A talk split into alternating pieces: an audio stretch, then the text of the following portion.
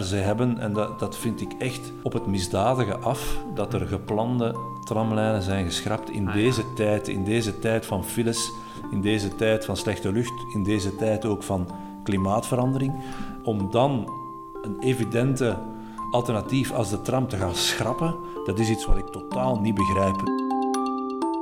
Welkom bij het allerlaatste interview in deze podcastreeks. Vandaag is mijn gast niemand minder dan Wouter van Bezien. Wouter is onze lijsttrekker en onze kandidaat burgemeester. En het onderwerp vandaag waar ik, Niels Staes, samen met Wouter in gesprek over gingen, is de mobiliteit. Heel veel luisterplezier. Dag Wouter, Dag Niel, kei tof om u te hebben. Eh, het is mijn genoegen hier te zijn. Nog een paar dagen en het is zover. Verkiezingen, Verkiezingen, 14 oktober. feest van de democratie. Ik sta op de lijst. Ik ook. Ja, ik sta een beetje achter jou wel, hè. Nou, ik sta ook achter u, Niel. Ja, dat, is wel, dat is wel een goeie. Ja, die ga ik meenemen. Ehm, ik heb al een hele hoop mensen in mijn podcast gehad de afgelopen twee maanden. Ik ben twee maanden geleden hiermee begonnen. Echt heel boeiend geweest om te horen welke ideeën er allemaal in ons programma verschuild zitten. De slogan van onze campagne is Antwerpen kan dat. Wat betekent dat voor u? Wel, dat we de lat hoog mogen leggen, dat we dat zelfs verplicht zijn aan onze aard als Antwerpenaar om ambitie te hebben om de toon te zetten in ons land, maar ook om ons te kunnen meten met eh, de andere steden in Europa, die natuurlijk ook eh, hun stad aan het organiseren zijn, hun toekomst aan het voorbereiden zijn. En ik denk eigenlijk dat er op heel wat verschillende domeinen, ja, dat Antwerpen beter eh, kan en moet en dat we daar als groen de ideeën voor hebben, de ambitie voor hebben en de goesting voor hebben om dat uit te voeren. Hm. Jij bent op dit moment eh, fractieleider, denk ik, van de fractie. Hè? Want uiteindelijk gaat de gemeenteraad over een nieuwe fractie samenstellen. Dat is juist. waar dat we mee aan de slag gaan. Wat zijn de thema's waar dat jij je de afgelopen zes jaar mee bezighoudt hebt in de gemeenteraad? Wat zijn zo wat de dingen waar dat je interesse naar uitgaan? Wel, ik heb me heel veel bezig gehouden met het eh, mobiliteitsvraagstuk eh, in, in Antwerpen. Dus een meer duurzame mobiliteit, meer trams, meer fietsen. Eh, en daarnaast ook alles wat te maken heeft met begroting en met politiebeleid. Dat, Hm. is, eh, dat zit zo wat automatisch bij de fractieleider. Ah ja, dat interesseert mij ook wel. Ah, boeiend. Zijn dat ook de stukken in het programma waar dat je gaan zoeken bent om een idee eruit te kiezen voor deze podcast? Ik ben toch bij ons mobiliteitshoofdstuk terechtgekomen. Ja, Het is de afgelopen weken het thema geweest, heb ik de indruk in de, in Ja. de debatten. Mobiliteit is een serieus thema. Misschien in het algemeen, waarom is mobiliteit zo... Waarom denk je dat mobiliteit zo'n belangrijk thema geworden is in deze verkiezingen? Omdat er heel veel samenkomt. Omdat het gaat natuurlijk eigenlijk niet over een fiets, een tram of een auto. Dat is maar bijzaak. Waar het over gaat is gezonde lucht. Hm? Zorgen dat iedereen gezond kan leven in onze stad. Vooral de kleine kindjes en de oude mensen hebben toch wel last van het feit dat er veel stikstofdioxide, veel fijn stof in de, in de lucht hangt in Antwerpen. Het heeft ook te maken met verkeersveiligheid en verkeersonveiligheid.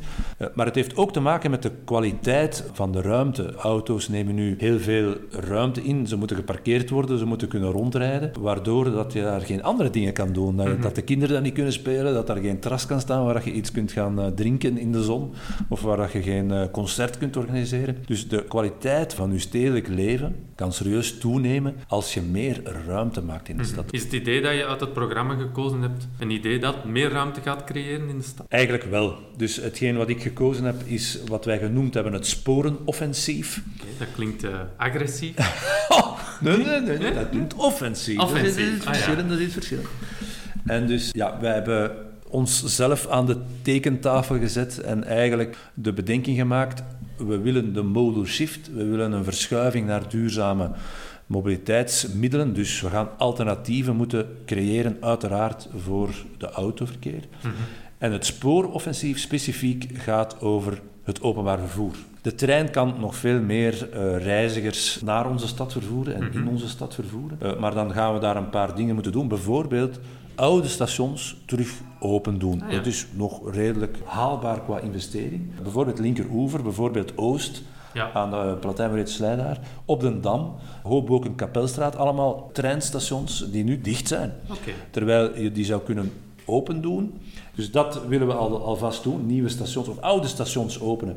We willen ook nieuwe treinstations maken, bijvoorbeeld rond Spoor Oost ergens, waar dat we denken, daar kunnen we echt wel een, een mobiliteitsknooppunt maken, waar dat men dan met de trein kan toekomen en dan kan overstappen op, Ja, ja, ja, eh, op tram bijvoorbeeld. In de haven ook. Het is nu zo dat er geen openbaar vervoer is naar de haven en dat mensen daar wel moeten gaan werken natuurlijk. Daar liggen heel veel sporen en dus er is één trein die dagelijks eenmaal rijdt voor de NMBS-medewerkers in de, Ah. in de Maar dat is, dat is niet publiek, dus we denken dat we die sporen kunnen gebruiken, die treinsporen, om daar ook treinverbindingen te maken richting de haven. Dus investering in de trein, investeringen in de tram, dat is het tweede spoor. Eh, wij zijn absoluut voorstander van tramverlengingen, zowel richting Ekeren, dat was eigenlijk voorzien, maar eh, Ja, de NVA'ers hebben dat geschrapt. Eh, richting Braschaat was ook voorzien, weerom de NVA'ers hebben dat geschrapt. Maar richting Borsbeek, Edegem, eh Hemixem, noem maar op. Dus dat zijn allemaal plekken waar dan mensen eigenlijk veel vroeger dan nu kunnen overstappen op de tram en op die manier ruimte maken in de stad voor fietsers, voetgangers eh, en voor eh, feestjes en noem maar op. En een derde spoor is de waterbus. Dat is eigenlijk een enorm succes geworden. Dat is deze legislatuur ingevoerd, maar, maar eh, op vrij beperkte trajecten. En dus daar denken we ook dat we zowel het Albertkanaal moeten gaan bevaren met waterbussen als richting havendokken, dat we daar ook werknemers van de haven via de waterbus naar de haven kunnen brengen.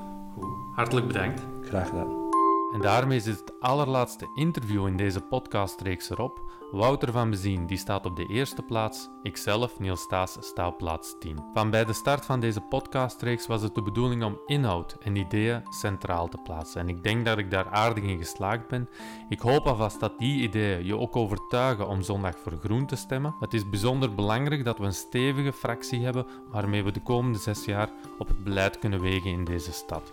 Mocht je toch nog vragen of twijfels hebben, we zijn de laatste 48 uur van deze campagne bereikbaar via mail of telefoon. Je kan ons dus altijd bellen en meer informatie daarover vind je op groenantwerpen.be. Mocht dit de allereerste aflevering zijn die je luistert, neem zeker ook even de tijd om naar mijn interviews met mijn andere medekandidaten te luisteren. Muziek was zoals steeds van Lee Rosevier.